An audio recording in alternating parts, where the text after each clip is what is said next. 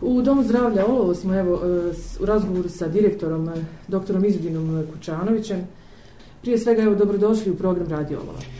Hvala vam, Amira. Dobrodošli vi u Dom zdravlja. Evo, hvala Bogu, pa je došlo vrijeme da možemo i, i ovako razgovarati u ovim prostorijama direktno, neposredno, da pozdravimo i vaše slušaoce i da zaželimo svima sretnu, uspješnu novu godinu i želim svima puno zdravlja prije svega u narednoj godini. I ova se nikad ne ponovila ako Bog da. Nadamo se da i neće. E, evo odmah na početku, pa ćemo onda se osvrnuti na 2020. godinu koja je bila u potpunosti u znaku bijelih mantila, u znaku zdravstvenih radnika, u znaku borbe protiv e, pandemije. Svima nam je bila stresna, a vama pogotovo. Evo možda samo da nam kažete kakva je trenutna epidemiološka slika, s obzirom da evo brojimo posljednje dane stare godine. Da, ova godina je prvenstveno bila u, u znaku borbe protiv COVID infekcije. Zdravstveni radnici su tu bili prva linija odbrane i svakodnevno smo apelovali i na naše stanovništvo da nam pomognu da smanji rizično ponašanje, da prekinemo lanac prenošenja virusa i da evo spasimo što veći broj života. Na današnji dan, 31.12.2020 godine, aktivnih COVID pozitivnih lica na teritoriji općine Olovo je ukupno šest. Do sada je oporavljeno 177 naših sugrađana od COVID infekcije, a nažalost e, imali smo 13 smrtnih ishoda. U izolaciji se na današnji dan nalazi 16 lica, od toga u izolatoriju UKC Sarajevo 3. Dakle, polovina od ovih bolesti, jel? Šest, rekli ste, pozitivni da. COVID-19. Da. da, to su pacijenti koji zahtijevaju e, kiselničku potporu i oni moraju biti u kontroliranom okruženju u izolatoriju u KCSR. Hvala Bogu, ovo je daleko manji broj u odnosu na one koji smo imali. Cijela godina je od 28. februara u, u znaku e, kao što rekao malo prije COVID infekcije. Dakle, od 28. februara sa prvim dolaskom e, naših radnika iz Irana, tada je bilo, e, krenula je ta naša borba ovdje i svaki, bukvalno svaki dan, evo do današnjeg dana smo e, e sve naše aktivnosti podrijedili borbi protiv COVID infekcije. Naravno sa ciljem da što veći broj e, života spasemo, da e, praktično pratimo svakodnevno pacijente koji su COVID pozitivni kako bismo na vrijeme poduzeli određene mjere da bi zaustavili progresiju bolesti i pacijente smjestili u, u izolatorije, odnosno na intenzivne njege gdje bi dobili bolju njegu. Mi smo u e, dva navrata imali e, enormno povećan broj COVID pozitivnih lica, to su ta takozvana dva pika koja smo imali u u protekloj godini. E, u jednom od ta dva pika i veliki broj naših radnika bio pozitivan, tako da je to bio izuzetan izazov i jako otežavajuća okolnost za organizaciju našega rada i pružanja i pružanja zdravstvenih usluga. Jer kad se nađete u situaciji da vam recimo od devet doktora pet uh, ispadne iz kolosijeka, pet ode na bolovanje, jedan iz nekih drugih razloga, četiri zbog COVID infekcije, kad ukupno imate 19 pozitivnih radnika, a istovremeno imate petostruko veći broj lica koja su um, e, COVID pozitivna, koja zahtijevaju svakodnevni nadzor, e, svakodnevnu terapiju, e, onda je to izuzetan izazov i izuzetno opterećenje za zdravstvene radnike. Ovom prilikom želim da se zahvalim svim e, radnicima javne ustanove Dom zdravlja Olovo, koji sam ja trenutno na čelu, E, na zalaganju, na požrtvovanosti e, u borbi protiv COVID infekcije u 2020. godini. Sad vam kažem, nadam se da se ova godina nikad neće ponoviti, nadam se da se sa evo nekakvim naznakama e, da ćemo u neko dogledno vrijeme dobiti vakcinu, da, da, da će ovo završiti, jer zaista je zdravstveni sistem prenapregnut. Vi znate da smo mi u jednom momentu, pogotovo u ovom drugom E, valu epidemije našu odnosno pandemije na području naše općine i ogromnog priliva lica koja su COVID pozitivna sa teškom kliničkom slikom, a istovremeno nemogućnosti da smjestimo sva lica koja su COVID pozitivna u bolničke ustanove, jer su i bolničke ustanove bile pretrpane, bili prinuđeni da jedan dio e, naše zgrade pretvorimo u COVID odjeljenje, da odredimo posebnu ekipu koja radi sa COVID pacijentima svakodnevno, e, da e, tim pacijentima e, svaka dva dana prateći njihovo zdravstveno stanje radimo RTG pluća, radimo laboratoriju, dajemo kisik u ambulantnim uvjetima, dajemo intravensku terapiju, tako da je to bilo izuzetno, izuzetno opterećenje za našu ustanovu, ali evo, hvala Bogu, izašli smo praktično svi naših 19 radnika koji su bili pozitivni su se oporavili.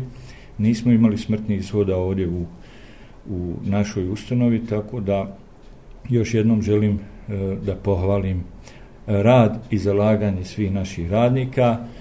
E, mi smo, što me posebno raduje u posljednje vrijeme, evo i prije dva dana na mail sam dobio e, pismo e, zahvalnicu od jedne naše e, korisnice naših usluga E, koja živi u jednoj drugoj sredini, ali je član porodice bio, bio COVID pozitivan, tretiran na našem COVID odjelu. I zaista gospođa koju ja lično evo ne poznajem po imenu i prezmenu, ali je e, iznijela izuzetno, e, izuzetne riječi hvale za odnos našeg osoblja, za profesionalnost koja je bila koja je bila iskazana u tim teškim momentima za nju i njenu porodcu i meni je zaista drago da i lica koja ni, ne boravi u našoj sredini, koja konzumiraju zdravstvenu uslugu u nekim drugim sredinama i znaju kako je to tu, prepoznaju sav naš trud i naše, naše zalaganje u smislu borbe e, za svakog našeg pacijenta.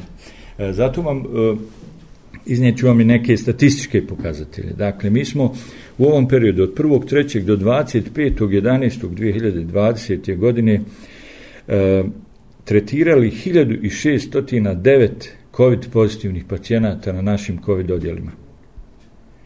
E, broj usluga u smislu davanja terapije tim pacijentima je e, po COVID protokolu 2929. To je naravno bez RTG snimanja, bez laboratorijskih, bez e, pulmoloških pregleda i tako dalje. E, u RTG kabinetu smo imali 600 pacijenata. Ako uzmete da je po tom COVID protokolu tih 600 ljudi bar dva puta snimano, dolazimo do cifre, znači znatno veće e, e RTG ekspozicija. U laboratoriji broj pacijenata koji su davali analize 680 i oni su davali najmanje po tri puta analize u tom periodu u kojem su liječeni. Interesantan je možda podatak da smo imali sedam trudnica koje su bile tretirane u trudnoći po COVID protokolu, ukupno 34 usluge. E, 214 pacijenata je imalo redovne kontrole kod e, specijaliste i pulmologa kojega smo također obezbijedili i nismo prekidali njegov rad ni u vremenu kad smo radili u kriznom režimu, jer znači 214 pacijenata je bilo pod stalnim e, nadzorom specijaliste i pulmologa.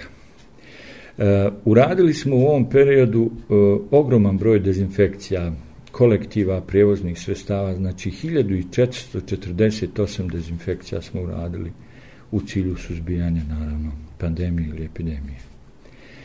E, ono što je važno još napomenuti jeste da smo do 30.11.2020. godine PCR testirali 1007 osoba u našoj ustanovi. To, ako uzmete da je 9,5 hiljada osiguranika na teritoriju općine ili 10 hiljada, znači svaki 9 ili 10 čovjek sa naše općine je testiran. To je jedan od standarda koji velike sredine nikad ne, nisu dostigle, niti mogu dostići. Broj osoba koje su bile pod zdravstvenim nazorom od 1.3. do 30.11. je 1091.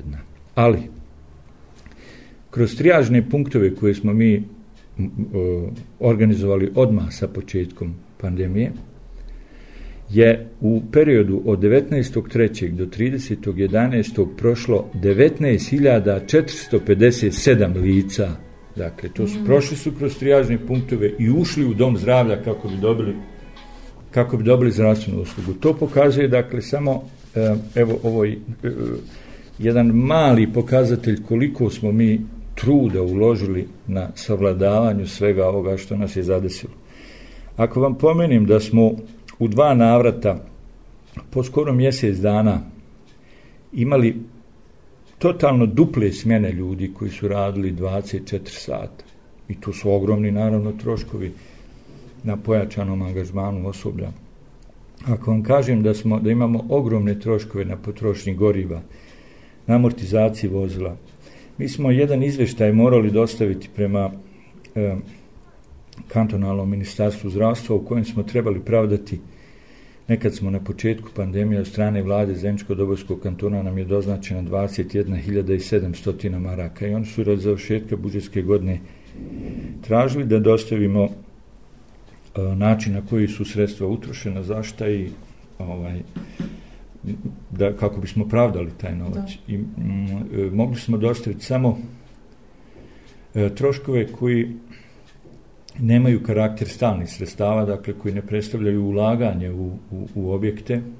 Dakle, nismo mogli dostaviti troškove organizacije prvog COVID odjela, reorganizacije praktično tog dijela ustane pravljenja, formiranja kupatila i tih prostora za kako bi se osoblje moglo dezinficirati, okupati nakon tretmana pacijenta, kako ne bi iznijeli u ostatak zgrade ovaj, um, eventualno virus. Nismo mogli prikazati tu troškove ni e, formiranja trijažnih punktova, ni opremanja kontejnera.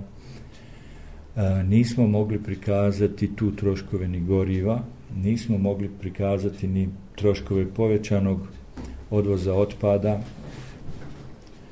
ni povećanog odvoza komunalnog otpada, povećane potrošnje struje vode i tako dalje. Mi smo morali prikazati troškove e, koji su direktno vezani za COVID u smislu e, povećane potrošnje e, zaštitne opreme, koju smo, moram odmah kazati, jedno od rijetkih ustanova koja je svo vrijeme zaštitno opremila, jer smo na vrijeme to kupili. E, mogli smo prikazati pojačanu potrošnju lijekova koje smo također kupovali i tako dalje, infuzijskih otopina i tako dalje i tako dalje i ti troškovi su veći nego prošle godine za skoro 90.000 maraka.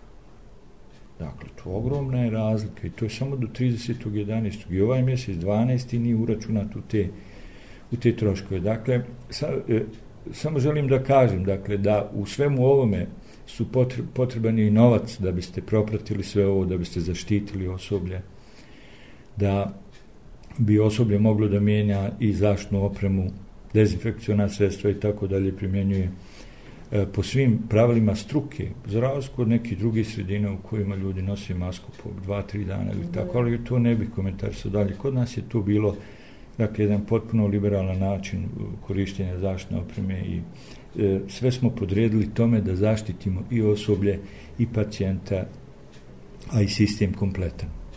Prema tome, nebitan je novac u svemu, ali evo usput smo ga pomenuli, samo želim da kažem dakle, da to nosi određena izdvanja i novac nam je nebitan, da smo Bogdom potrošili mi deset puta više nego što smo ovo, a da smo i ovih 13 naših sugrađana uspeli spasiti. Međutim, nažalost, evo, bilo je kako je bilo. Na svu sreću ova zgrada je funkcionalna, pa ste vi mogli da, da e, napravite i COVID odjel e, i da razdvojite pacijente koji su trebali svakodnevne usluge bez, jeli, e, da, da su COVID pozitivni, da ih ne tretirate evo, kao, kao COVID pacijente. Nikad niko nije ostao uskraćen za uslugu, to smo obećali na početku pandemije, samo smo tražili malo, malo razumijevanja, tražili smo malo strpljenja kod naših sugrađana, da daju i nama prostora, da daju i nama E, vremena da možemo isplanirati sve to i, i evo, kao što ste primijetili, to je da. tako i tako će i ostati, bez obzira kakve bile pandemije. To zgrada nije u tom smislu funkcionalna kao što se to sad čini, to se sad čini kao normalno, međutim uloženo je jako, jako, jako puno truda da se sve to napravi funkcionalno. Lift čini mi se pred sami početak pandemije, je li tako? Zgrada nije dobra lift, lift smo napravili. Napravili, pa mislim, to se podrazumijeva. lift smo napravili, krajem prošle godine je pušten u pogon i, to, i ta dostupnost za taj COVID odjel nam je onaj, i tu važna, i laboratorija, i rengen koji su povezani uz COVID odjel, tako da, da evo, ne možemo reći da smo nezadovoljni. Da, da. Ali e, da je godina bila stresna, da je bila godina izuzetno, izuzetno naporna, e, to je činjenica. E, brojni evo pacijenti, naši građani, naši slušatelji, vaši pacijenti imali su, čim mi objavimo jel, podatke dnevnog biltena, neki imaju kritike, većina ih je imala pohvale.